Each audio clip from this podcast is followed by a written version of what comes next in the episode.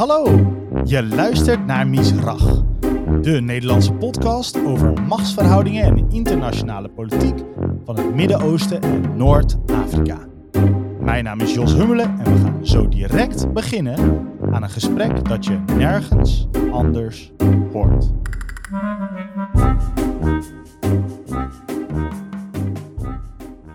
De Verenigde Staten zijn dé grote bondgenoot van Israël. Terwijl de Joodse staat in de internationale politiek op veel afkeuring kan rekenen, zijn de VS een bastion van steun op het gebied van politiek en diplomatie. Vrijwel iedere Israëlische regering heeft goede betrekkingen met de VS hoog op de agenda staan. En andersom belooft iedere Amerikaanse presidentskandidaat plechtig om warmer banden met Israël na te streven. Vandaag zoomen we in op de bijzondere band tussen de Verenigde Staten en Israël. Is deze altijd zo goed geweest? Heeft de Joodse gemeenschap in de VS daar eigenlijk een rol in? En vooral, zal het in de toekomst ook altijd zo blijven? Co-host is vandaag Aaron Vrieler van CD. Glad to have you, Aaron. Goedemorgen, Jos. Good morning. Aaron, uh, de steun de, de steun van Amerika voor Israël, komt dat door het feit dat er relatief veel Joden in de Verenigde Staten wonen? Uh, nee, ik denk niet dat dat echt de kern van de verklaring is. Ik denk dat het hoogstens een van uh, heel veel verschillende factoren is. Uh, ik herinner me een, een, onderzoek van een paar jaar geleden waaruit bleek dat de meeste Joden in de VS misschien Israël wel een warme band toedragen, maar dat het zeker niet bovenaan hun lijstje staat. En uh, bovendien zien we tegenwoordig ook meestal dat republikeinse presidenten een heel erg uh, pro-Israëlische koers kiezen. Maar de meeste Joden, een merendeel van de Joden in Amerika, die stemmen meestal op de democratische presidentskandidaat. Vandaag is de gast in Misrach Bernard Hammelburg, buitenlandcommentator van uh, Nederlands beste nieuwszender, kan ik wel zeggen, BNR Nieuwsradio en maker van de Amerika podcast. We hebben afgesproken te tutoyeren en welkom, fijn dat je er bent, Bernard.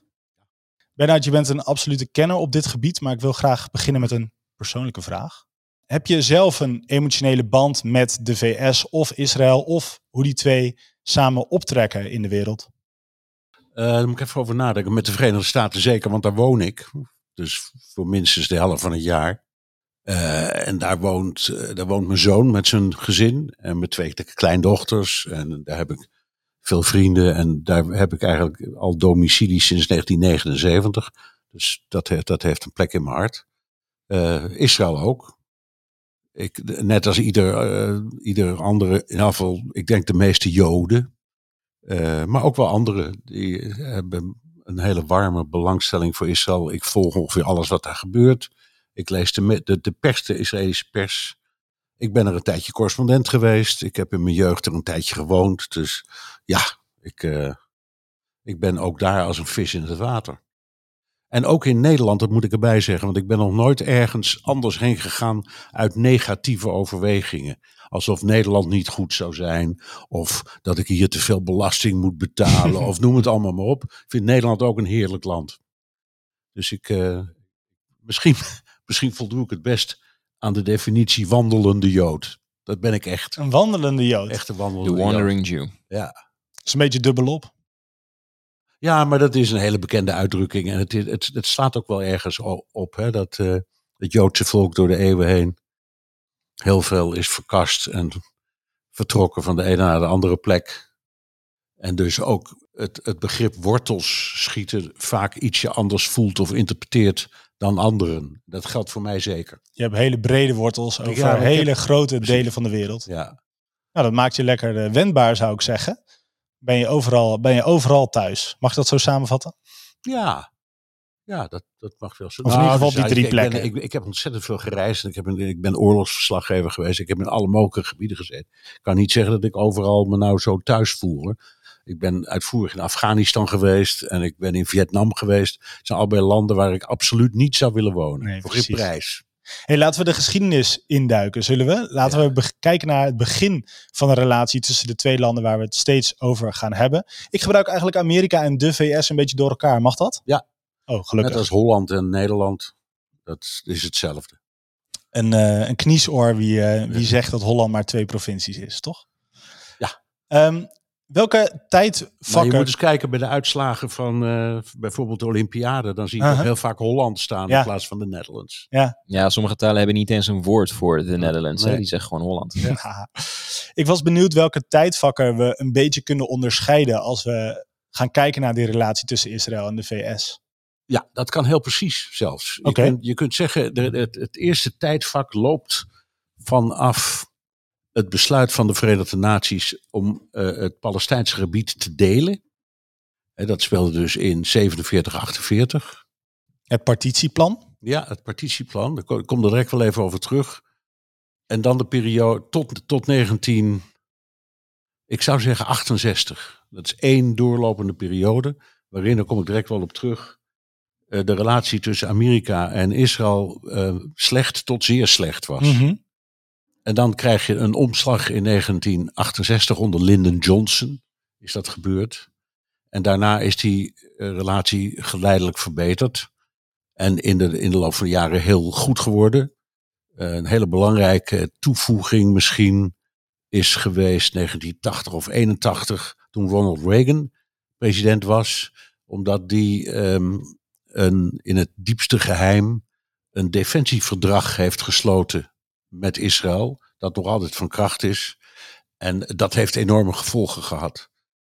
Zowel technologisch als politiek. Dus ze zijn op alle mogelijke manieren gaan samenwerken. Een, een heel bekend voorbeeld is de Iron Dome. Dat afweer, afweerwapen. Nou, dat is typisch iets dat voorkomt voort uit zo'n... Die wet van Reagan. Ja, dat is in feite... eh, En- ja. Voor die tijd, eh, toen eh, er nog geen sprake was van de staat Israël, maar natuurlijk wel een wereldwijde zionistische beweging. Hoe stonden de Amerikanen daar tegenover?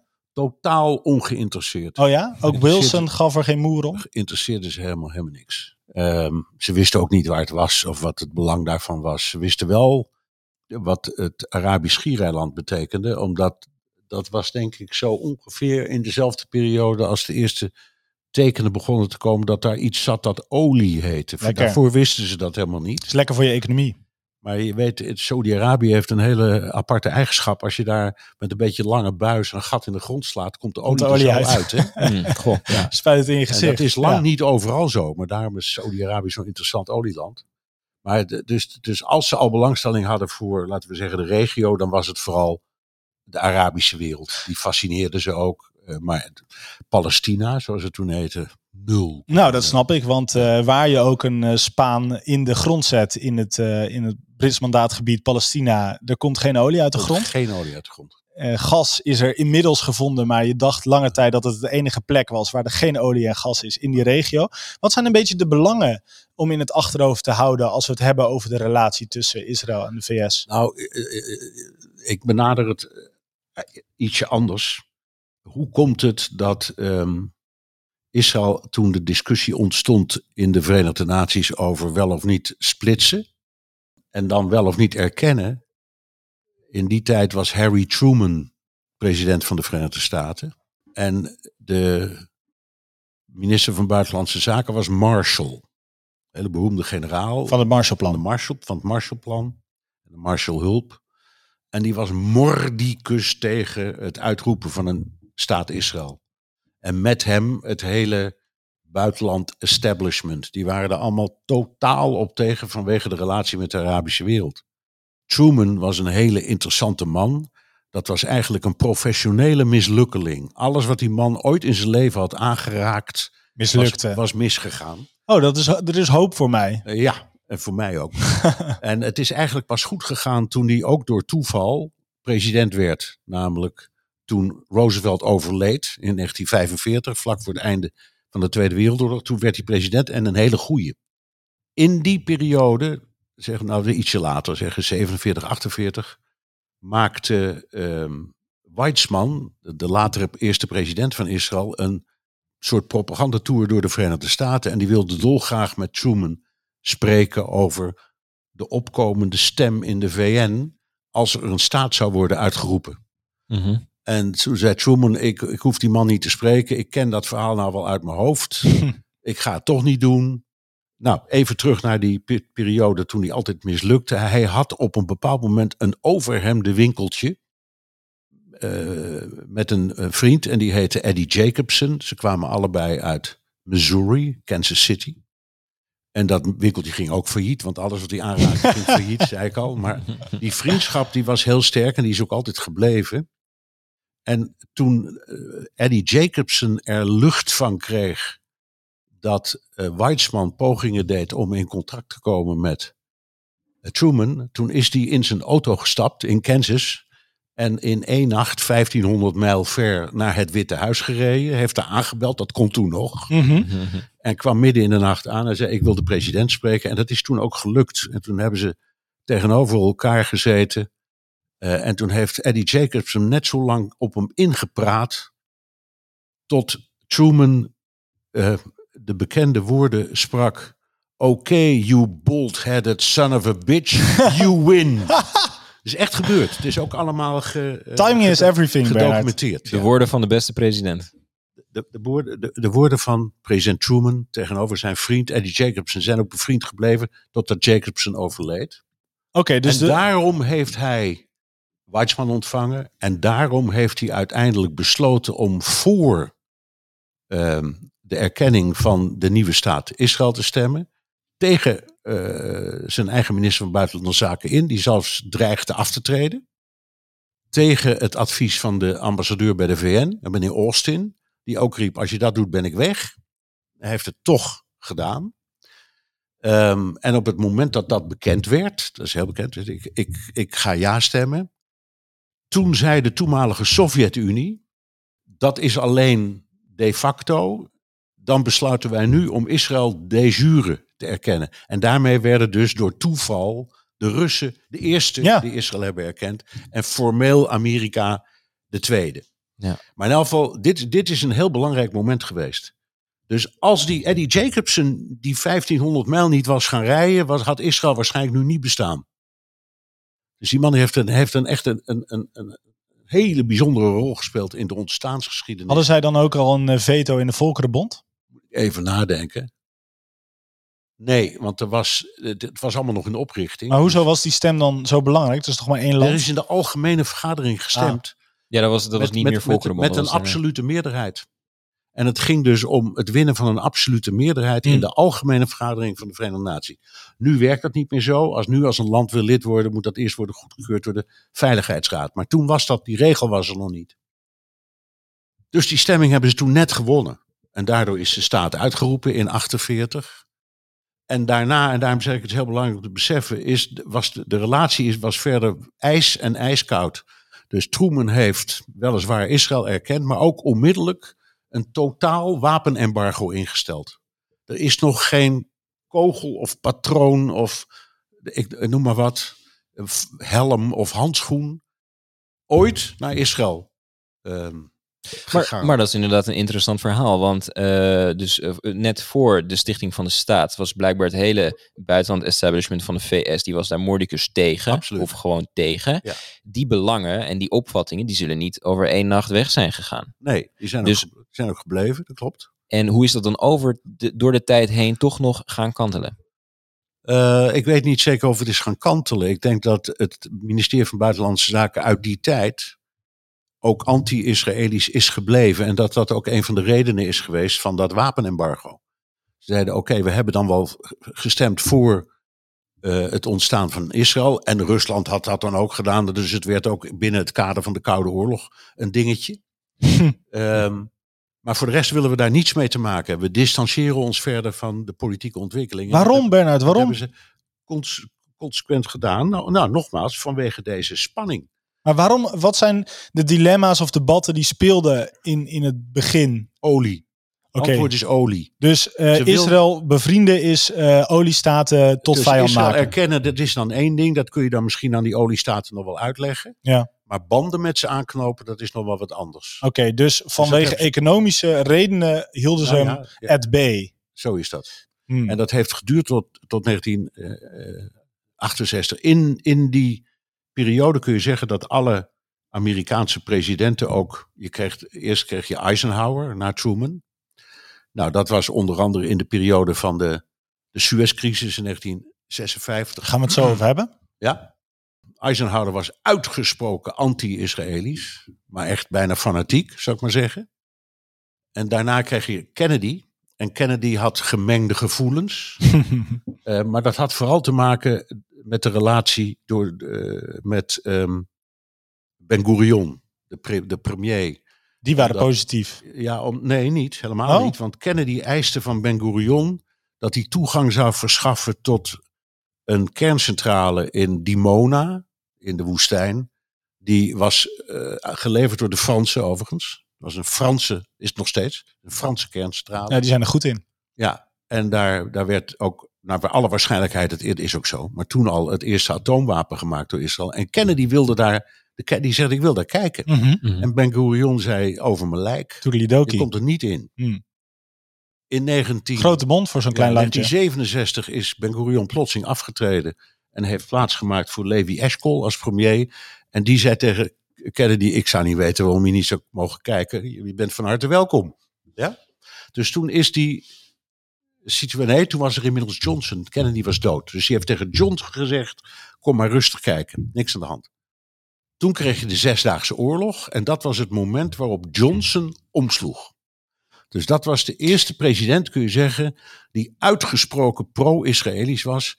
En daarna is dat blijven gelden voor elke president van de Verenigde Staten. Of die nou republikein was of democraat, of die nou kritisch was of niet. Maar elke Amerikaanse president sinds die tijd is pro-Israël. En waarom is dat?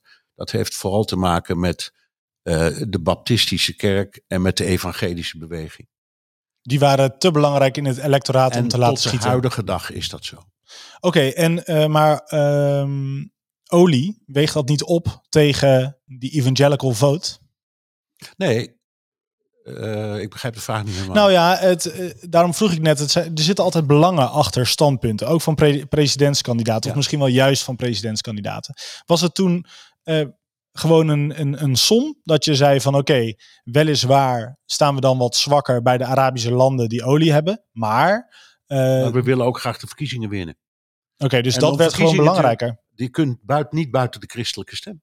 En ben je het eens met Aaron dat de Jewish vote niet zo heel belangrijk Totaal was daarin. onbelangrijk. Er wonen nog geen 6 miljoen Joden in een land van 342 miljoen mensen. Dus numeriek stelt het al niks voor. Misschien in uh, binnenstaten als New York. Jawel, dergelijks, York, maar bij ja, president. Ik, woon, ik woon in de Upper West Side van New York. Daar zijn 21 synagoges, om je een idee te geven. Dus het is niet zo dat Joden spelen, spelen wel een rol in de samenleving. Maar het is niet zo dat ze echt heel veel invloed hebben. Hoewel Barry Goldwater, de tegenstander van Lyndon Johnson, republikeinse tegenstander van Lyndon Johnson in de verkiezingen van 64, um, het kapitool door Israël bezet gebied noemde. Dus het, is, dus het is niet zo dat die Joodse stem niet helemaal invloedloos was, maar het is onzin te denken dat hij de doorslag geeft. En er is nog iets, daar refereerde jij altijd al even aan, Aaron. Uh, er worden regelmatig peilingen gehouden om waarom mensen stemmen of wat ze stemmen. En Joden zijn in het algemeen democratisch, voor meer dan 75%. Ongeveer 80% van de Joden stemt democratisch, altijd. Um, en als je dan vraagt, wat zijn nou de belangrijkste factoren waarom je een stem uitbrengt? Dan is dat altijd de economie, uh, oude. Dus dan is het nog niet eens Israël? Israël komt soms voor en soms helemaal niet hmm. eens op het lijstje. Dus terwijl je bijvoorbeeld in, laten we zeggen, Nederland heel veel Joden hebt die hun stemgedrag uh, af laten afhangen van de over, de, uh, het standpunt van een politieke partij over bijvoorbeeld het Israëlisch-Palestijnse conflict. Daar zal een Amerikaan niet snel aan denken. Nee, nou in, uh, in Nederland hebben we de gevleugelde uitspraak van uh, het binnenlandse buitenland ja. van Frans Timmermans over dat conflict. En ik kan me voorstellen dat dat binnenlandse buitenland iets meer geldt hier in Nederland dan bijvoorbeeld in de Verenigde Staten. Het is sowieso een groter land, het is een machtiger land. En ik uh, heb zo de indruk dat uh, de Joodse gemeenschap zich daar nou ja, toch op een bepaalde manier iets meer thuis voelt. En iets minder bezig is met, ja, waar zijn ja. mijn, mijn lotgenoten wat mijn Joods zijn betreft in ieder geval, waar zijn die dan mee bezig daar verderop? Dus ik denk dat dat uh, ook wel een beetje ja, een rol zijn, speelt. Dat klopt, er zijn een paar dingen die een rol spelen. In de eerste plaats kun je zeggen dat de Amerikaanse Joden zich in het algemeen door de decennia heen niet zo verschrikkelijk veel hebben aangetrokken van het lot van andere Joden. Ze waren, hebben in de Tweede Wereldoorlog, vind ik, een zeer dubieuze rol gespeeld, de Amerikaanse Joden. Terughoudend aan het begin. Terughoudend. En ze wilden zich ook niet verzetten tegen president Roosevelt. Want ja, je bent in de eerste plaats Amerikaan en dus solidair. Maar wat nog veel belangrijker is, Amerika is nooit bezet geweest. Dat is echt een heel groot verschil. Uiteraard. Het geldt ook een beetje voor het Verenigd Koninkrijk. Daar merk je dat ook heel vaak aan de Ja. manier waarop zij politiek denken. Een land dat nooit bezet. die- Het Verenigd Koninkrijk is dan misschien door de Romeinen en daarna nog wel een keertje. Maar dat is heel lang geleden. Ja. Maar eh, eh, de Verenigde Staten zijn na de onafhankelijkheidsoorlog nooit meer bezet geweest. En dat zit ook in, of dat nou Jo- Joden of niet-Joden of anderen zijn. Iedereen heeft dat gevoel. Je bent, je bent Amerikaan. En dat ben je in de eerste plaats. Die Zesdaagse Oorlog is een kantelpunt geweest in alle mogelijke, om alle mogelijke redenen. En de meest aparte, zal ik maar zeggen, daarvan was niet eens die Zesdaagse Oorlog, maar dat was het feit dat rond die tijd of vlak daarna in Amerika de televisieserie Holocaust is uitgezonden. De Shoah van eh Ja, Landsman. Nee, nee. Het was een, het was een eh, eh, gewoon een, Een Amerikaanse serie. een Amerikaanse serie die heette Holocaust. Oké. Daarvoor werd trouwens ook elders in de wereld dat begrip helemaal nooit gebruikt. Hm. Holocaust, dat dit dateert pas ergens uit de jaren 60, 70. En daarvoor kennen ze die. Dus die serie heeft een dusdanig Ja, diepe net- indruk gemaakt Ja, op net- net alle Amerikanen, niet alleen alle Joden. Amerikanen. En hetzelfde is gebeurd met de zwarte Amerikanen met de serie Roots. Plotseling werd dat een nationale kwestie. En dat heeft ook bij veel Joden de ogen geopend. En dat heeft ook geleid tot een zekere mate van schuldgevoel. Want we hebben wel heel lang, heel veel en heel vaak gezwegen. Dat gaat nu niet meer gebeuren. We gaan nu onze stem laten horen. Dus er is toen van alles nog wat veranderd. Ook in de politiek. En, en, en ook, ik kunt zeggen, heel Amerika is toen plotseling, wist plotseling waar het lag, überhaupt. Het hele zelfbegrip, eh, zelfbeeld en zo Ja. is de, daar met, met dat soort dingen. Ja. Het is interessant dat je dat het is dan ja, een beetje aangescherpt, zeg maar. Zeker. Ja, ja. oké. Zometeen gaat Misrach verder over wat hoogtepunten en dieptepunten, zoals de Suez-crisis waar je zojuist naar refereerde, Bernard. In de relatie tussen Israël en de Verenigde Staten. Maar eerst is het tijd voor een klein intermezzo. Je gaat luisteren naar de column van Geerten Waling van Elsevier. Zowel Israël als de Verenigde Staten wordt nog wel eens imperialisme verweten. Laten we het daar eens over hebben. Imperialisme komt in vele vormen en maten. We kennen het in Europa uit onze koloniale geschiedenis. Vooral in de 19e eeuw waren Europese landen erg bedreven in landjepik op andere continenten. Maar ook op ander- andere momenten in de geschiedenis lieten andere volkeren, zoals de Russen, de Turken of de Ottomanen en de Chinezen, zich niet onbetuigd in de wedloop om grondstoffen en strategische posities buiten hun eigen territorium. Imperialisme is dus geen uitzondering in de geschiedenis. Je zou eerder kunnen zeggen een constante. Wat wel uitzonderlijk is, is het Amerikaanse imperialisme waarover vaak wordt gepraat. Dat imperialisme heeft een totaal andere vorm dan de bekende drang naar territoriale expansie. Natuurlijk, die was er wel. Nadat de Verenigde Staten van Amerika zich in 1776 losmaakten van het Britse Rijk, hebben ook zij een eeuw lang gezocht naar expansie op het eigen continent. Van de oostkust tot de westkust en van de grenzen met Canada tot die met Mexico hebben de Amerikanen hun land veroverd op de Native Americans en op de Europese koloniale machten. Maar buiten Noord-Amerika hebben de Amerikanen nooit echt gezocht naar expansie van hun grondgebied. Wel hebben ze altijd geprobeerd om hun invloedssfeer te vergroten en te verzekeren. Dat begon al heel vroeg onder Thomas Jefferson, de derde president van de Verenigde Staten. In 1801 liet hij de Amerikaanse marine ingrijpen aan de kust van Noord-Afrika tegen de zogenoemde barbaren. Samen met enkele Europese landen vochten de Amerikanen tegen de piraten in onder meer Algiers en Tripoli. Het doel: het verzekeren van een vrije doorvaart voor Amerikaanse handelsschepen op de Middellandse Zee. Overigens is bij deze militaire interventie nog de bemanning van, een, van één Amerikaans marineschip gevangen genomen, waarna zij, oh ironie, werden verhandeld als slaven. Nadien bleef Amerika ingrijpen als de eigen handelsbelangen in gevaar kwamen, of anders wel de nationale veiligheid. Van de bemoeienissen in Zuid-Amerika tot de interventies in de twee wereldoorlogen en van de Vietnamoorlog tot Afghanistan. Uncle Sam hoeft geen grondgebied, niet per se, maar wel vrije handel en een wereld zonder bedreigingen. En als er even geen betrouwbare bondgenoten te vinden zijn om dat te bereiken, dan dwingt en dan maakt Washington die bondgenoten gewoon. Israël is vanaf het begin af aan zo'n bondgenoot geweest, door dik en dun. Dat heeft te maken met de verhoudingen in het Midden-Oosten. En natuurlijk is er ook de grote, rijke en loyale Joodse gemeenschap in Amerika die een rol speelt. En Israël is de enige democratische rechtsstaat in de regio natuurlijk. Maar bovenop dat alles is er ook nog de eigen religieuze staatsraison van de Verenigde Staten die we wel eens vergeten.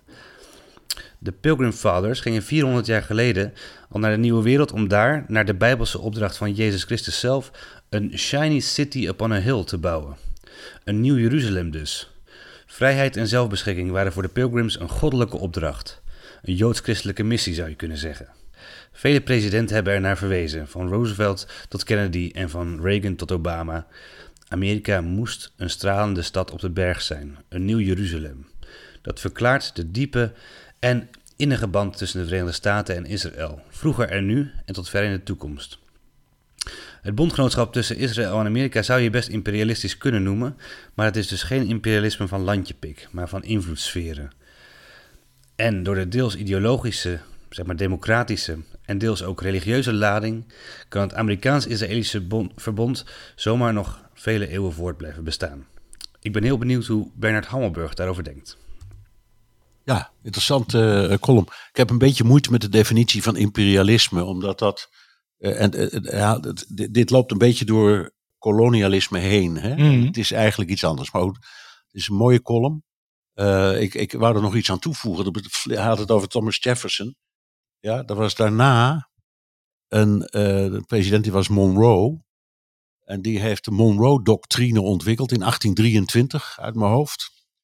En uh, die luidde ongeveer dat wanneer de Amerikaanse nationale veiligheid in gevaar is, dan heeft Amerika het recht om in het buitenland op te treden. En dat is bijvoorbeeld, uh, aanvankelijk gold dat alleen voor het eigen halfrond, maar dat is later eigenlijk overal. Bush senior vatte dat ook uh, lekker breed op. Ja. Steeds breder opgevat natuurlijk. Ja, ja, ja door maar goed, de die, die, Monroe-doctrine is dus een heel belangrijk onderdeel van het Amerikaanse denken. Dat, dat, dat is interessant. Het heeft ook iets cynisch. Mhm. Want je hebt uh, in het Amerikaanse politieke denken, zeker in de, in de politieke filosofie, ook heel duidelijk de opvattingen over Europa, waar een beetje op wordt neergekeken, altijd. Maar dat wordt ook gezien als een buffer. Je ziet het nu ook weer in het conflict met Rusland. Europa is de buffer. En je had in de tijd van Reagan, beweging die heel graag wilde, onder leiding van uh, de minister van Defensie, een beweging dat Europa moest zich bewapenen met middellange afstand, korte afstandswapens tegen Russen. Toen kreeg je in Nederland de raketcrisis. Hè. Dat ging, wij moesten kruisraketten plaatsen. De Duitsers moesten Pershing-raketten plaatsen. En dat was dan allemaal gericht tegen de Russische Sovjet, korte afstands, middenafstands, lange afstandsraketten die er stonden in Mm. Kaliningrad en zo. Toen met flinke demonstraties als En toen gevolg. kreeg je die grote, ja, zonder lubbers, toen kreeg je die enorme demonstraties en het zogenaamde dubbelbesluit, wat heel slim was van Lubbers. Want die zei, we, ga- we, gaan ze, we gaan ze neerzetten, maar als er net op tijd vrede komt, dan doen we het toch niet. Dat is ook gebeurd. Dus in, in Woensdrecht is wel een basis gebouwd, maar er zijn nooit 48 kruisraketten gekomen, wat wel de bedoeling was. Dus Mm. Lubber- Lubbers heeft dat nog heel behendig gedaan, eh, eh, moet ik zeggen. Maar de redenering van de regering Reagan was, als er een oorlog zou uitbreken, dan zou dat beginnen met een zogenaamde limited nuclear war. Dat was een hele mooie uitdrukking, maar de, de- ze bedoelde, dan verdampt Europa eerst. Jeetje. Ja. Terrifying. En ik mag dan- anglicisme gebruiken deze uitzending. Ja, toch? ja, ja, ja, ja. maar dat is dus een buffer. En dat is allemaal gebaseerd op die Monroe-doctrine. ja. Dus eh, je, hebt- overal, Amerika heeft overal in de wereld militaire bases. Hè, in Japan en in Guam en in Qatar en Bahrein en Duitsland en Italië, eh, Engeland, ga ze maar door. Het is allemaal daarop gebaseerd. Als er ergens iets in de wereld gebeurt, moet je zo dicht mogelijk bij zijn en zo snel mogelijk kunnen ingrijpen. Heel cynisch. Ja, Ehm, dit is- nou, ik weet niet. Ik, dat, je kunt, nou, ik weet niet of je dat cynisch, je kunt ook zeggen. nou ja, is- de hele is wereld de- is je buffer. Dat kan wezen, maar het kan ook zijn dat je zegt: ik, ik, mijn nationale veiligheid, ik, de, de grootste plicht van een democratie is de veiligheid garanderen van de eigen burgers. Dus ik weet niet hoe, je kunt het cynisch noemen, maar het is gewoon, ja, dit is nou eh realpolitiek Ja. en, en geopolitiek Duurzaam. denken. Ja. Ja. Nou ja, ik denk dat je het op kleinere schaal natuurlijk ook in Israël zelf ziet. Zeker. En, eh, een, een deel van de reden waarom ze maar niet willen ophouden met die bezetting is dat ze er te laat bij zijn als, uh, als ze dat gebied op zouden geven in de westelijke Jordaan-oever. Ja. En mocht er iets gebeuren, dan, uh, ja, dan hebben ze niet die, die strategische diepte, zoals mensen het daar noemen. De vraag is of je die op zo'n heel klein, smal stukje nog nodig hebt, tegenwoordig met technologie.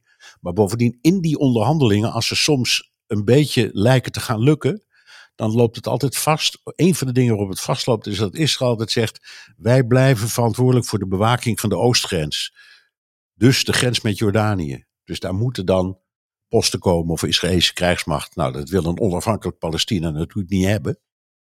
Maar dat is precies datzelfde mechanisme waar jij het nu ook over Hey Bernard, ik zat nog over iets anders na te denken in het verlengde van de column. Gezien vanuit het Midden-Oosten is dat Amerikaans imperialisme, vooral in, in Iran bijvoorbeeld, maar ook wel in andere golfstaten, is dat een beetje het grote kwaad. Hè? Dat, dat, dat idee. Um, spoelt dat ook over naar Israël? Uh, dat, dat sentiment? Ja, maar de Israëli's zijn, om zo te zeggen, veel meer pragmatisch dan ideologisch in dat opzicht. Je weet dat, hè, we hebben nu die, die, die Abraham-akkoorden, maar iedereen die daar iets van weet, die weet dat de Israëlische diensten, die hadden al, weet ik veel, misschien wel al 30 jaar uitstekende contacten in al die landen, Saudi-Arabië en de Golfstaten, gaan ze maar door. En hun idee is meer dat je de ontwikkeling ziet van geallieerden. Dat zijn Saudi-Arabië, de Golfstaten, Noord-Afrika, Israël, Jordanië, um, noem maar op. Gesteund door Amerika. En dan krijg je de asmogendheden. en dat zijn uh, Iran, Iran en Syrië. En, en, de grote vraag is, ja, de grote vraag is of, Libië, of Libanon daar dan bij gaat horen of niet. Daar is de, het laatste woord nog niet over gezegd. Okay. Maar dat is meer de, de visie van Israël. En dat is ook heel logisch, want Iran uh, steunt uh, Hezbollah en Syrië. En er staan weet ik veel hoeveel raketten gericht op, op Israël. Dus het is een heel pragmatische manier om in een vijandbeeld te denken van Iran. En dat is ook tamelijk ook recent, want in de tijd dat ik in Iran zat, dat was dus in de tijd van de revolutie, toen waren er nog gewoon betrekkingen tussen Israël en Iran. En er ging elke dag een El Al-toestel van Teheran naar uh, Tel, Aviv, Tel, Aviv, Dus het kan verkeren. het kan verkeren, ja. Het is ook uh, vaker in deze podcast voorgekomen dat deze volkeren eigenlijk heel veel met elkaar gemeen hebben en veel dichter bij elkaar zouden kunnen staan, waar het niet dat er een regime tussen zit. Ik heb ook nog wel een vraag aan Bernard naar aanleiding van de column. Want in de column kwam een paar keer terug uh, het staatsraison van de Verenigde Staten. En het idee van de City on a Shining Hill. En hoe dat uh, vervlochten is geworden met theologische ideeën die dan waarschijnlijk weer een rol spelen bij, de, bij die christelijke stem waar je het eerder over had.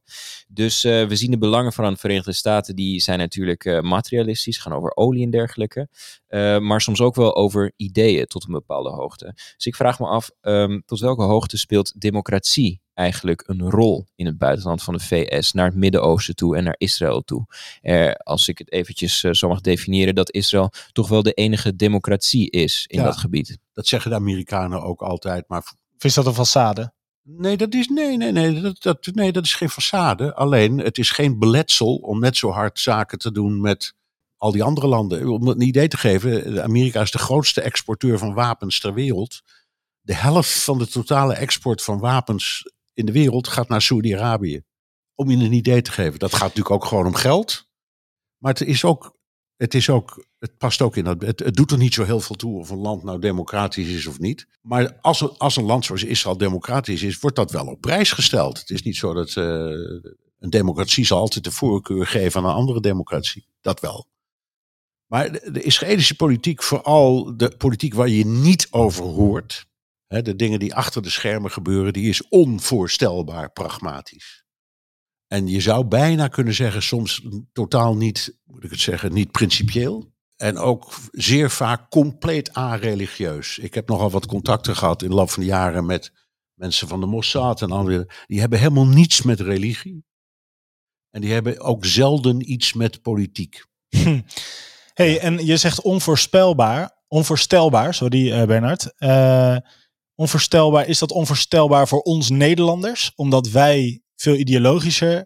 Nee, maar omdat je. Je, je, je denkt in, in, in de normale termen. Dus het gewone nieuws heeft het over allerlei dingen. Komt er nu een oorlog tussen eh, Oekraïne en, eh, en Rusland. Ehm, en dan kijken we alleen maar naar verklaringen die politici afleggen in het openbaar. Eh, we horen of zien bijna niets van wat de generaals met elkaar bespreken. En die hebben vaak totaal andere opvattingen dan de politici. Sterker nog, politici roepen snel om oorlog. En generaals zijn altijd degene die dan op de rem gaan staan. Want die weten wat het betekent om oorlog te voeren. Dus in het algemeen, ik heb dus in de loop van de jaren ook heel veel contact geprobeerd te leggen. En nog steeds altijd met ehm, de krijgsmacht ergens in het land. Daar hoor je veel betere dingen van dan eh, van de. Maar uiteindelijk is de krijgsmacht een uitvoerend orga- orgaan. Die doen wat de politiek wil. Zeker. Dus als zo'n Havik roept, eh, let's go to Aanvallen. war, dan hebben zij maar te volgen. Ze kunnen adviseren natuurlijk, maar- Ja, nou. Ik denk dat in Amerika bijvoorbeeld de, de, de chef-staf van de krijgsmacht. En in Israël bijvoorbeeld de minister van Defensie wel degelijk iets in de melk te brokkelen hebben hoor. Ook bij het nemen van dat soort beslissingen. Uiteindelijk is de premier of de president verantwoordelijk, zeker in Amerika. Want in Amerika is de president in zijn eentje de uitvoerende macht en de opperbevelhebber. Dus die heeft altijd het eerste en het laatste woord. Het gaat niet zonder, ze luisteren wel. Laten we nog even verder de geschiedenis eh, ingaan. Vind je dat goed? We Ja, komen wel iets dichter bij het nu. We gaan wat hoogte- en Ja, je dieptepunten. dreigt al met 1956 straks. Klopt, ja. Ja. De Suez-crisis. Gaan we het nu over hebben. Ehm, ja, is dat een absoluut dieptepunt? Nou, dat vind ik eigenlijk niet. Eh, dat we zeggen, het hangt er vanaf uit, vanuit wiens perspectief. Maar als je nou even kijkt vanuit Israëlisch perspectief, is dat niet het geval. Want het, was, het ging dus, de aanleiding was poging van eh, Egypte om het Suezkanaal af te sluiten. En dat leidde tot enorme woede in het Verenigd Koninkrijk en Frankrijk. Ja, dus die koos in eigenlijk Israël. de kant van Die Israël. zijn, nou, ja. nou nee, maar die zijn in feite die oorlog begonnen. Ja. En Israël was de derde partner in die oorlog. Dat heeft geleid tot de bezetting van eh, de de Sinai-woestijn. Sinai-woestijn, ja. Eh, en, daar, en toen sloegen bij Eisenhower alle stoppen door. Dus die werd razend, maar niet alleen op Israël, ook op Frankrijk en Engeland. Eh, en die heeft met hel en verdoemenis gedreigd. Heeft gedreigd om ze uit de VN te laten zetten. Je kan het zo gek niet benoemen. En uiteindelijk zijn Engeland en Frankrijk door de knieën gegaan. En Israël dus ook. Dat was het klein landje om zo'n eh, actie in zijn eentje voor te stellen. Maar de grote woede richtte zich toen niet in de eerste plaats op Israël. Eh, Dus, je ehm, kunt het ook omdraaien. Je kunt zeggen, Israël had in die tijd dus goede banden met Engeland en Frankrijk. En dat klopt ook wel, want tot 1967 of 68, toen Amerika eindelijk een bondgenootschap met eh, Israël sloot en dus ook wapens begon te leveren, tot die tijd is eh, Israël geheel bewapend door Frankrijk en een beetje door Engeland. Maar de Zesdaagse Oorlog, die ik mij goed herinner, want in die tijd woonde ik, die is helemaal gevochten met Franse wapens, Mystères en Mirages en zo. Er kwam, er kwam geen Amerikaanse kogel aan te pas. Dus uit Israëlisch perspectief was die, die periode, nou ja, ze hebben, ze hebben ergere, spannendere, om het zo te zeggen, oorlogen meegemaakt. Maar als we even kijken naar de relatie tussen die twee, Israël en de Verenigde Staten, dan zou dat wel een van de dieptepunten ja, is eh, een zijn. dieptepunt geweest, absoluut. En nogmaals, die, die woede van Eisenhower was enorm. Even nog iets anders. eh, waar Amerika Israël soms gebruikte als vooruitgeschoven democratische pion in een onstuimige regio, kwam later de nadruk te liggen op Israëls belangrijke kracht in het verslaan van moslimfundamentalisme. Dan heb ik het al, maak ik echt een grote stap hoor. Maar dat is de war on terror. Zie je, zie je dat in grote lijnen als een, als een hoogtepunt of ook juist ook als een dieptepunt? Geen van beide. Ik denk dat het niet hetzelfde is. Wat de Amerikanen onder de war on terror verstaan, is iets anders dan wat de Israëliërs eronder verstaan. De Israëli's zijn ook daarin veel pragmatischer. Dus die zijn heel erg goed in het opblazen van raketlanceerinrichtingen. En het omleggen van een of andere sheik die eh, eh, um, een of andere eh, Hezbollah of Hamas uh, krijgsheer. Krijg, een krijgsheer, ja, daar zijn ze, die kunnen ze dan heel goed omleggen. Maar het idee dat je bij wijze van spreken op globale wijze een oorlog moet voeren tegen het terrorisme, dat, ik denk niet dat het in de Israëliërs zo leeft. Ze kunnen er ook niet zo verschrikkelijk veel aan doen. Dus en 9-11 was niet gericht, gericht tegen Israël, hè? moet je ook niet vergeten. De meeste terroristische aanvallen zijn gericht tegen moslims. speelt ze bijna allemaal in de moslimwereld af. Of tegen het Westen, in wat mindere mate. En tegen Israël valt dat nogal mee. Tenminste, ze slagen er vaak eh, niet zo goed in, want eh, Israël wapent zich daar Wapent uh, zich fanatiek het, ja, tegen. zijn En je hebt het eh, nu even wel. over de cijfers, toch? Kwantitatief. Kwantitatief. Want er is natuurlijk wel een soort continue dreiging. Dan is er weer een steekpartij. Dan eh, gebeurt er weer iets. eh, Zeker. Maar ja, ik zie dat een beetje zoals Frank van Kappen, generaal buitendienst en oud-senator. Die heel veel van dit soort dingen weet. En die zegt altijd, je, terrorisme is net als de georganiseerde misdaad. Je moet er altijd tegen vechten en je kunt er nooit van winnen. En zo zie ik het ook wel een beetje. Dus het is een eeuwige strijd, denk ik. En hebben, hebben Amerika en Israël samen opgetrokken in die strijd? Ja. Want Met succes? Dingen, jawel, dingen als de moord op Soleimani, weet je wel, onder Trump, wat een hele omstreden en naar mijn idee ook misschien niet zo handig gezet In was. Irak was dat. Ja, in Irak. Ja. Eh, dat is gecoördineerd met de Amerikanen. Even nog voor, de, voor onze luisteraar. Dat was een Iraanse, eh, hele hooggeplaatste generaal van de, van de revolutionaire garde. En die werd vermoord in het tijdperk Trump in Irak. Ja, maar specifieker nog, het is gecoördineerd met de dus- Israëli's het en was door, dus- uitgevoerd door de Ja, Amerikanen. maar het was iemand waar de Israëliërs, die droomden van die moord, zal ik maar zeggen. En dat is dus ook gebeurd. En dat is ook, Amerikanen en Israëliërs hebben de opvatting dat wanneer er een hele gevaarlijke organisatie is, een terroristische organisatie, je legt de, de rovere hoofdman om dat dat helpt. Dus de Ik kop van de slang. van. Maar jij denkt, die slang die Wel, krijgt gewoon een nieuwe kop. Krijgt een nieuwe kop en die gaan gewoon door waar ze gebleven waren. Oké, maar dan is het in ieder geval gevaarlijk om zo'n kop te willen zijn. Om dat te ambiëren. Ja, dat is ook zo. Dus die eh, doctrine van war on terror, voor zover die eh, nog is v- voort gaan leven in de Verenigde Staten. ik merk, die heeft volgens jou ook weer niet zoveel veranderd in die relatie. Nee, Zie je dus- misschien andere hoogtepunten? In welk opzicht? Nou, even Nogmaals, die war on- in war on terror, dat was, dat was een uitvinding van Bush 2. Bush, Hè? precies. En ehm, ik, ik vind het een verkeerd gebruik van het woord oorlog. Ja, het is ook absoluut zijn woorden. Ja. Ja. Eh, en eh, dat blijkt ook, want het is geen oorlog. En je kunt, Nee, het is gewoon een algemene staat van. het, eh, is, het, is, het is de strijd tegen een bepaalde vorm van misdaad. Ja. Ja. Ja, Axis of Evil had hij het ook over. ook vraag. vraag was- Nee, de vraag was, ehm, wij zitten dus te vissen naar wat was mogelijk een dieptepunt tussen die twee. En aan de andere kant, wat was een hoogtepunt? Dus nogmaals, tussen eh, in de, eh, de relatie, de bilaterale relatie tussen de Verenigde Staten en Israël. Ja. Nou, een van de hoogtepunten was dat verdrag dat Reagan heeft gesloten destijds met de Israëliërs. Dat, dat geheime en daarna niet meer zo geheime militaire verdrag. En dat, dat betekent heel veel. Dat ging over wapenleveranties, maar het ging ook over de uitwisseling van eh, informatie. En dat is in, in, eh, in de strategie misschien wel het allerbelangrijkste. Dus om het maar simpel te houden, als de CIA en de Mossad goed samenwerken, dan is dat een heel belangrijk aspect. En dat gebeurt ook. Ja, oh, dat is ook een hele goede om Ja. te benoemen inderdaad. Een duidelijke breuk met het verleden was dat Benjamin Netanyahu zich in één keer heel sterk richtte op de Republikeinen en de Democraten goed deels links liet liggen.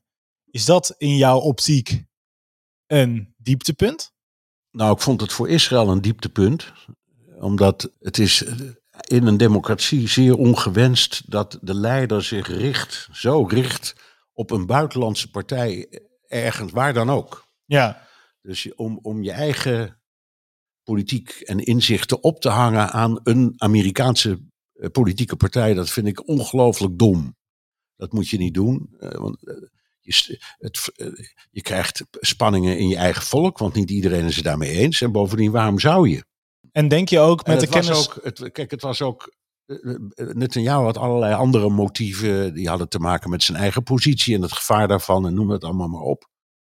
Ehm, en, en, en Trump had ook andere motieven dan het leek. Want het was van Trump echt niet allemaal liefde voor Netanyahu of liefde voor Israël. Het was voor Trump één grote roep om de steun van de evangelische stem. Want als je aan de ene kant ehm, beroemd wordt om, vanwege Pussygate En allerlei andere dingen die in christelijke kringen, laat ik het maar voorzichtig zeggen, nou niet zo heel goed vallen. Nee. Dan moet je vreselijk je best doen om het ergens anders terug Aha, te dus het was compensatie. Het was compensatie. Ik heb trouwens, toen ik het net over Netanyahu had, had ik het wel over het pre-Trump tijdperk hoor. Dat hij daar zo echt, het, echt alleen maar de Republikeinen eh, toesprak. Maar ook tij- ten tijde van Trump leek het wel alsof Netanyahu alle eitjes no- nogmaals in het mandje van de Republikeinen had geplaatst. En later, dat is niet zo lang geleden, toen heeft eh, Trump eh, zich heel negatief uitgelaten over Nou, dat was op het moment dat Biden won. Want toen wel heeft Netanyahu heeft hem gefeliciteerd. Netanyahu heeft En Biden waar- gefeliciteerd. Waar, waarop Trump dus zei, wat is dat bij nader inzien een vuile verrader? ja, Dat is wat er is gebeurd. Maar zou je dan zeggen, met de kennis van nu, dat dat een, eh, een verkeerde gok is geweest? Ja, dat had hij beter niet kunnen doen. Nou kun je zeggen, ze zijn inmiddels allebei weg, hè? Dus eh, Ja, Maar ze komen ook weer allebei terug voor, misschien. eh, kunnen allebei. Ze kunnen allebei terugkomen. Maar eh, oké, eventjes voor de korte termijn ervan uitgaande dat, eh, dat, dat ze nog eventjes weg zijn. Kan dat vertrouwen eigenlijk een beetje hersteld worden? Tussen wie en wie? Tussen maar Democraten iets, en de de Democraten in de VS en de, de Israëlische regering, welke regering dat ook mogen zijn. Oh jawel. In de eerste plaats, zoals gezegd, elke, Isra- elke Amerikaanse president is pro-Israëlisch. Om wat voor reden dan ook. Biden is uitgesproken pro-Israëlisch. Hij Hmm. altijd zijn hele carrière ook als senator door geweest. En nu nog steeds. Ehm, en die heeft ook best een goede relatie met eh, Bennett. Met Bennett en, ehm, en de, de Amerikaanse diensten, de CIA, de DIA, noem maar, maar op. Die hebben ook een, nog steeds een uitstekende De DIA, de drug... eh, Nee, nee, de DIA is de Defense Intelligence Ah, Defense. Die is misschien in dit opzicht nog belangrijker. Ja, tuurlijk. Dat is CIA, maar dan alleen maar over militaire kwesties. En, eh, en die hebben hele goede contacten met de Mossad en met Shin Bet en al dat soort organisaties. En dat is heel belangrijk. Shin Bet leg ik ook even uit. Dat is de interne Ja, veiligheidsdienst. dat is wat je in Amerika de FBI noemt. Nog eventjes over dat tijdperk. Hè? Trump, Netanyahu, eh, een van de dingen die je sowieso een hoogtepunt kunt noemen, komt ook best wel vaak terug in deze podcast, in Misrach, zijn de Abraham-akkoorden.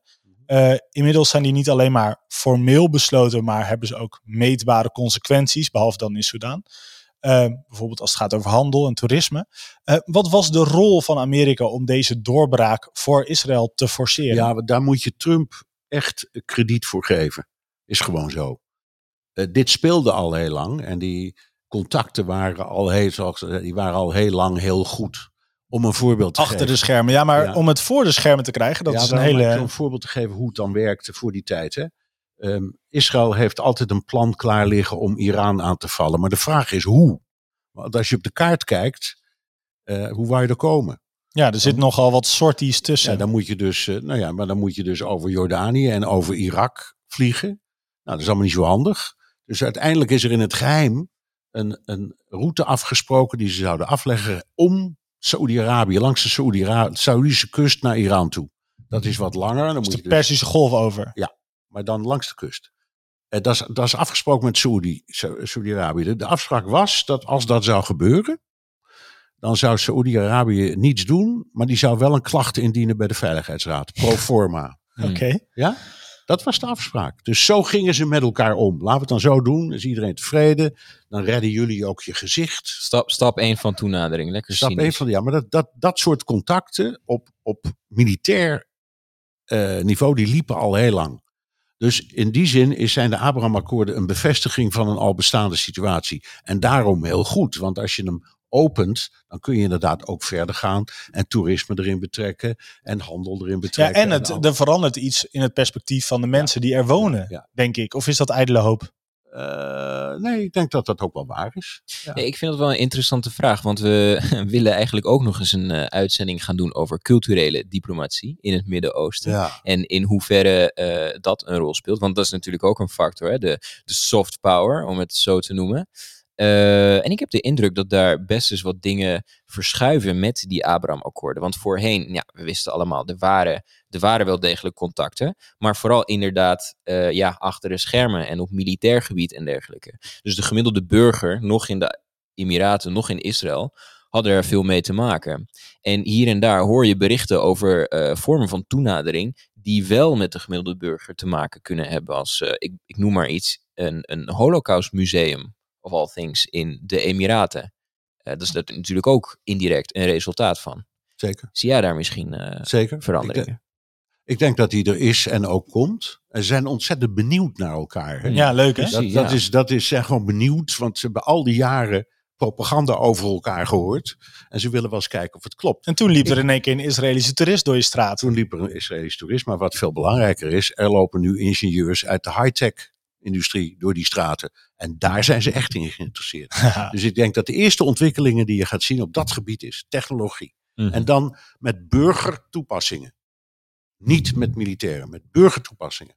Dat is iets wat ze allemaal heel graag willen. Daar zijn de Israëliërs goed in. Is een goed exportproduct.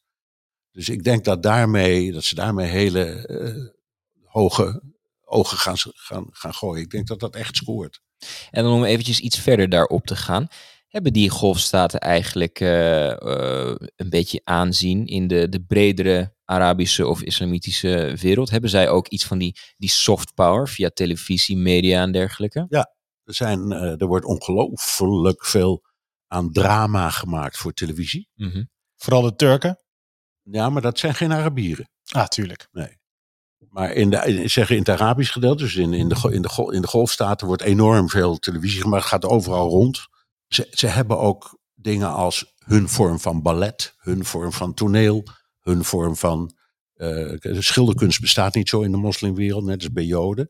Maar wel allerlei andere. Er, zijn, er, is, er is veel kunst, muziek, dat soort dingen. Daar zijn ze ook over en weer zeer in geïnteresseerd.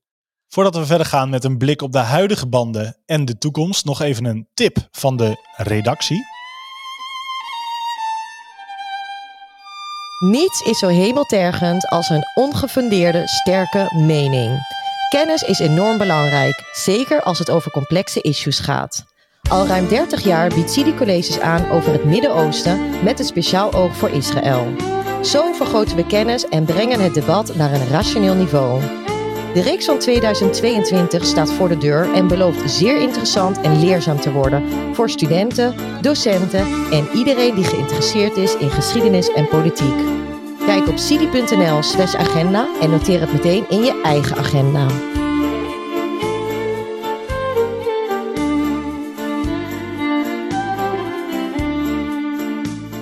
Ja, laten we verder gaan eh, naar het huidige punt in de geschiedenis.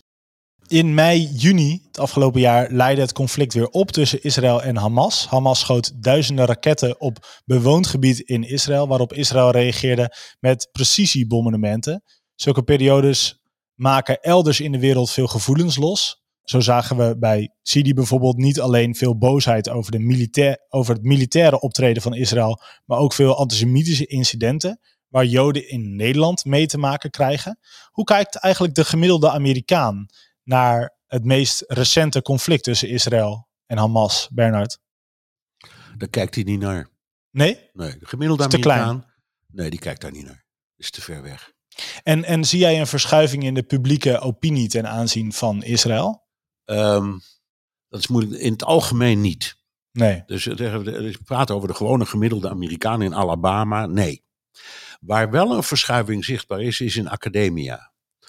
Eh, en daar treedt ook, daar zijn, daar zijn ook veel anti-Israëlische eh, groeperingen en demonstraties. Die waren er eigenlijk nooit. Dat is van de laatste tijd.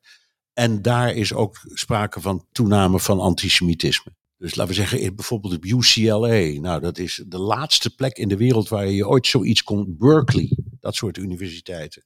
Waar, waar is UCLA?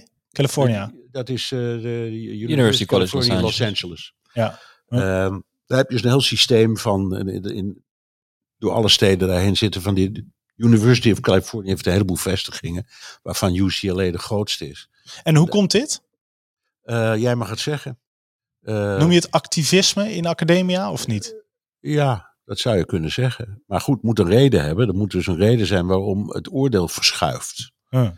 Eh, Maar dat ligt niet aan zo'n dat heeft le- conflict waar ik het over had. Nou, ja, ook wel. Ja, zeker wel. Jawel, dat heeft veel kwaad, kwaad bloed gezet. Omdat, nou, je hebt altijd de discussie over de proportionaliteit. Ja, Die is er nou eenmaal niet Nee. in zo'n geval. Want ik weet niet of wel eens in Gaza ben geweest, maar ik ben er vele malen geweest.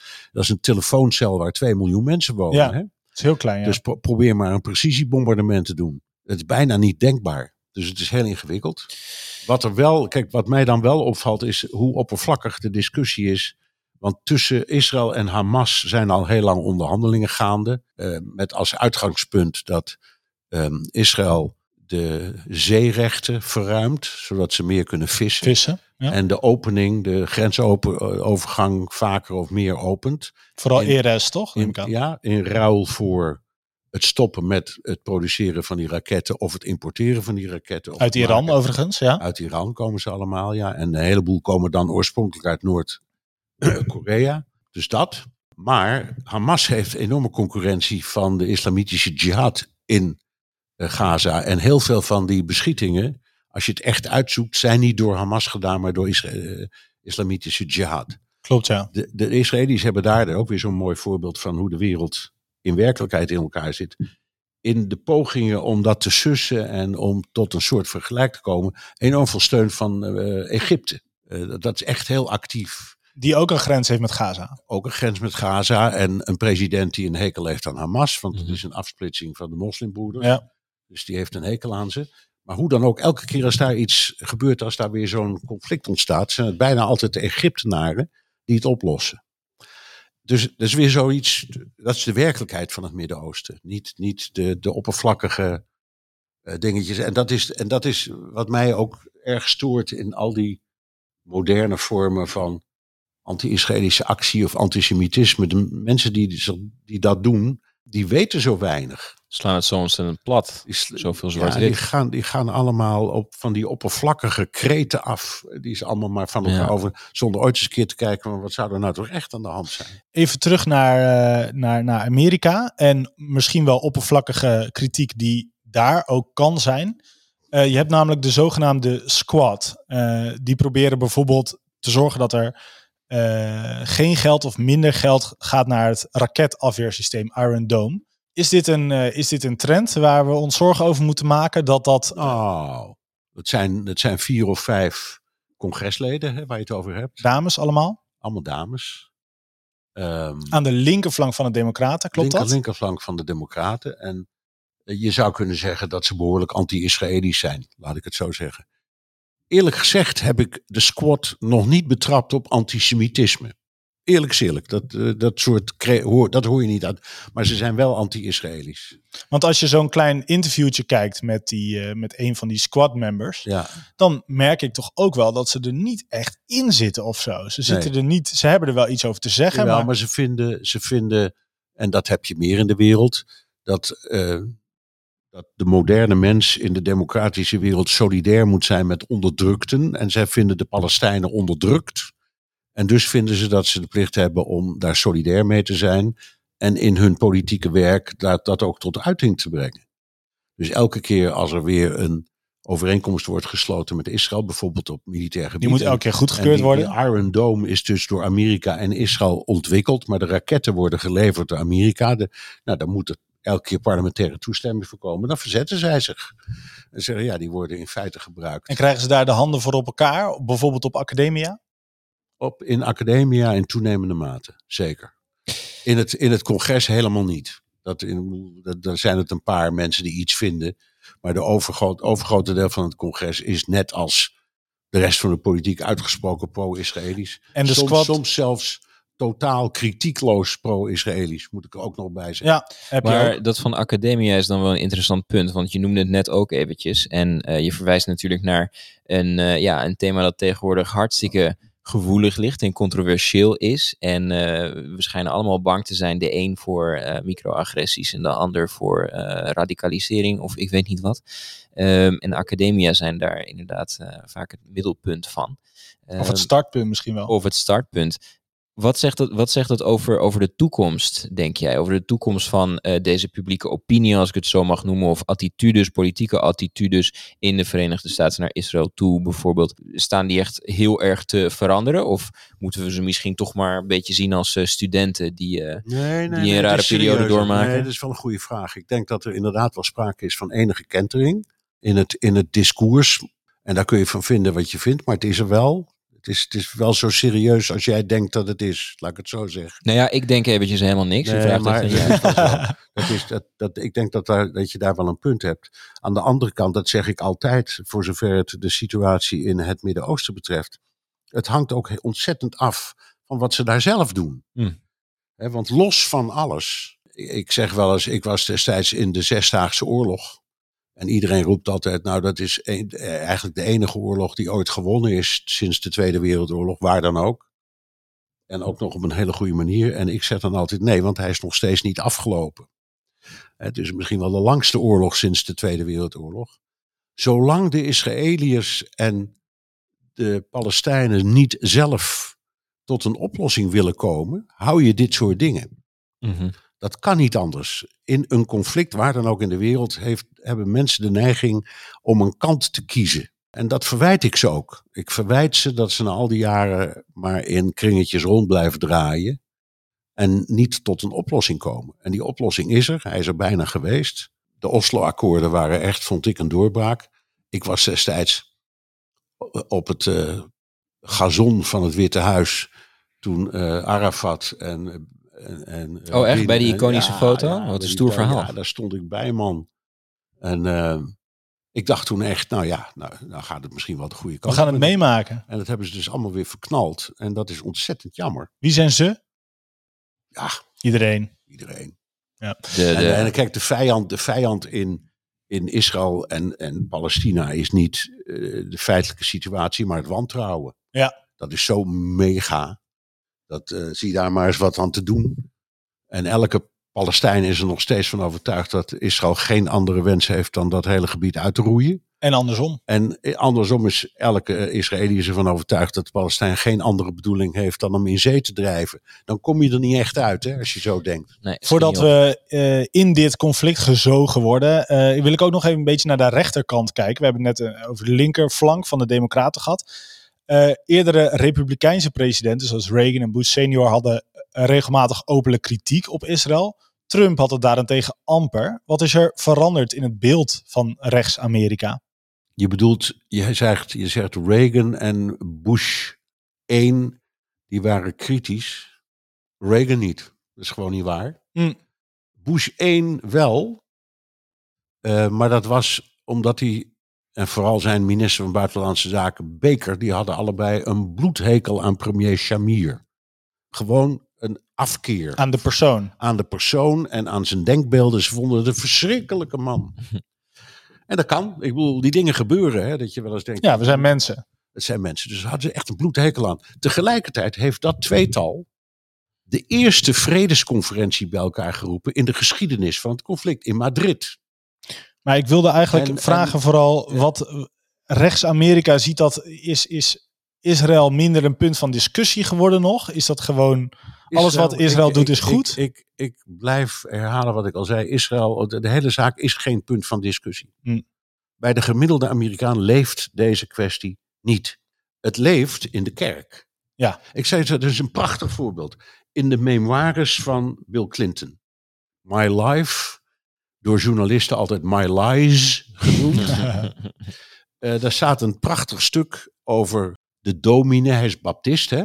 De dominee die hem zijn hele leven eigenlijk heeft begeleid. En hij heeft een hele moeilijke jeugd gehad. En op een bepaald moment, toen was Bill Clinton zowat president. Dus het was in de laatste fase van de verkiezingen. En toen lag die dominee op sterven. En toen heeft hij zijn campagne eh, even stilgelegd. En is daarheen gereisd en is aan zijn sterfbed gaan zitten. En nog een beetje met hem gepraat. En hij beschrijft dan dat die dominee op een bepaald moment, vlak voordat hij zijn ogen sluit, zegt: Je moet mij beloven, Bill, dat je de staat Israël nooit laat vallen. En toen ging hij dood, zal ik maar zeggen. Dit verhaal tekent heel veel van waar je het over hebt. Dus de gewone baptistische gemeenschap, dat zijn veruit de meeste Amerikanen. En de evangelische gemeenschap, dat zijn er wat minder, maar ook een heleboel. Die zijn allemaal om puur religieuze redenen fanatiek ondersteuner van Israël. Het zijn ook vaak antisemieten. Dus, dus het, het zijn echt Ja, mensen die, die vaak twee zeggen van ik wil niks met. Joden te maken hebben, Ja. behalve de dokter en de advocaat. Dat zeggen ze gewoon zo. Maar Israël, daar blijf je met je tengels vanaf. Dat is heilig. En dat zie je terug in hun stemgedrag. God, dit is, dit is weer een ap- aparte podcast, maar ik wil daar richting, eh, richting afronding gaan. Een van de dingen die wij, eh, eh, waar we het eerder al we hebben een beetje aangeraakt, namelijk de relatie tussen Bennett en Biden. Bennett wil, of eigenlijk willen ze allebei eh, Israël weer een bipartisan issue maken, hè? net als voor de tijd van, eh, van Netanyahu. Lukt dat nog wel? Of is dat is dat lastiger Maar, gemaakt. maar dan moet je specifieker zijn over welk aspect van de kwestie dan. Bipartisan betekent gewoon dat beide partijen het eens worden over een standpunt over iets. Hè? In de kwestie, wil zeggen, als het gaat om steun aan Israël, wapenleveranties of politieke steun. dat is al bipartisan, zeg je. is al bipartisan, daar hoef daar hoef je verder niet veel aan te doen. Ondanks een groepje dat om principiële redenen dat niet is, zoals de squad. Maar dat betekent niet zo verschrikkelijk veel. En vergeet niet, er zijn 435 leden van het huis en 100 senatoren, 535 parlementariërs. Dat is een hoop. En daarvan is het overgrote meerder- meerderheid is altijd, zeg je als, je, als je praat in termen als pro of tegen Israël, altijd pro-Israëlisch geweest. Dat gaat niet veranderen. Die Netanyahu-jaren, die eigenlijk een uitzondering waren op staand beleid, zit de relatie tussen Bennett en zowel de Republikeinen als de Democraten niet echt in de weg. Nee hoor, nee hoor. Alleen, kijk, ze hadden hem wel door. Om nog even iets te noemen. Want wat heeft, wat heeft Trump nou voor, behalve dan die akkoorden, hè, dat is wel bijzonder. Maar voor de rest was het alleen maar voor de bühne. Het verplaatsen van de ambassade naar Jeruzalem interesseert geen Israëliër. Dat was alleen maar voor de evangelische bewegingen in eh, Amerika. Maar in Israël interesseert het echt niemand iets. Bovendien is het nep. Want er zitten dan wel drie ambtenaren in Jeruzalem. Maar de ambassade zit nog doodgewoon in Tel Aviv. Alles wat er gebeurt, gebeurt nog steeds in Tel Aviv. Erkenning van de Golan hoogvlakte. Denk je dat de Israëliërs daar wakker van liggen? Wat meneer Trump daarvan vindt? Nou, misschien de IDF, eh, belangrijke IDF. Nee. Nee, ook niet? Nee, de krijgsmacht is niet politiek. Echt niet. Hm, hm. Het zal ze een zorg zijn. Dus eh, je moet ook kijken naar, wat, naar, naar, naar, naar mythe en mythevorming en werkelijkheid. Dus het maakt niet zoveel uit. Heel interessant perspectief eh, op de zaken, Bernard. Aaron, ik vraag je altijd aan het einde nog even iets uit te lichten van wat je meeneemt. Is dat, eh, dat Bernard op zijn rug op het gazon lag eh, vlak voordat eh eh, Arafat... Ja, dat vind ik wel een stoer verhaal. Ja, nee, dus je ik kunt zat zeggen gewoon- van, ik, Ik, was zat op een, ik zat op een stoeltje, er stonden honderden stoeltjes en ik zat helemaal achteraan in een rijtje met journalisten. Maar dat is dan jammer. Ja, maar ik zat er toch. Je zat er toch. Of is het misschien dat hij eh, tijdens de Zesdaagse Oorlog in Israël was? Wat, wat wil je uitlichten? Ja, of in 79 in Iran vind ik ook, eh, vind ik ook een mooi verhaal. Dus eh, wat mij betreft zouden we veel van zulke afleveringen kunnen maken. Maar goed, ik weet niet of Bernard er tijd voor heeft. nee, ik vond eigenlijk een woord dat je op het aller, allerlaatste gebruikte. Dat, dat vond ik wel een goeie. Die, die mythevorming. Ja, ik denk dat dat ontzettend veel uitlegt. Als je dat in je oren knoopt, dat het gaat om mythevorming. Dat dat heel veel uitlegt van waarom dingen zijn gegaan zoals ze zijn gegaan in die, die verhoudingen tussen de VS en Israël en, en de rest van het Midden-Oosten.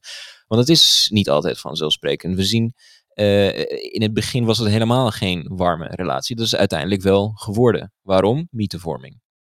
Ja, en de waarschuwing is, als je het zo bekijkt, dat je er nooit van uit, je kunt nooit uitgaan van vanzelfsprekendheid. Er staat nergens dat de relatie die nu goed is tussen Amerika en Israël ook altijd zo zal blijven. Zal die altijd zo blijven? Nee, dat hoeft helemaal niet. Nou, maar Bernard, even als hamvraag of afrondende vraag. Voor hoeveel jaar in de toekomst durf jij wel je hand in het vuur te steken dat Israël en Amerika bondgenoten blijven? Die is leuk. Kunnen we een wetje doen? Ehm, ik zou zeggen 13 jaar en 4 maanden en, 13 ze- jaar. en 6 dagen. Oké, waarom die zes dagen? Zomaar. Oké, dus die onthouden we. En daarmee komen we aan het eind van deze aflevering van Misrach. Speciale dank aan onze gast voor vandaag, Bernard Hammelburg, buitenland commentator voor BNR Nieuwsradio. En hij maakt ook de Amerika-podcast, ga die ook eens luisteren. Uiteraard ook dank aan Geert en Waling van EW, die de column verzorgde. Bedankt voor het luisteren naar deze aflevering. We willen de positie van Israël in de regio beter begrijpen en vandaag hebben we daar weer een stap in gezet. Vind Misrach op Spotify of je favoriete podcast app of ga naar ons moederschip sidi.nl. Raad deze podcast aan bij familie en vrienden. Tot de volgende keer.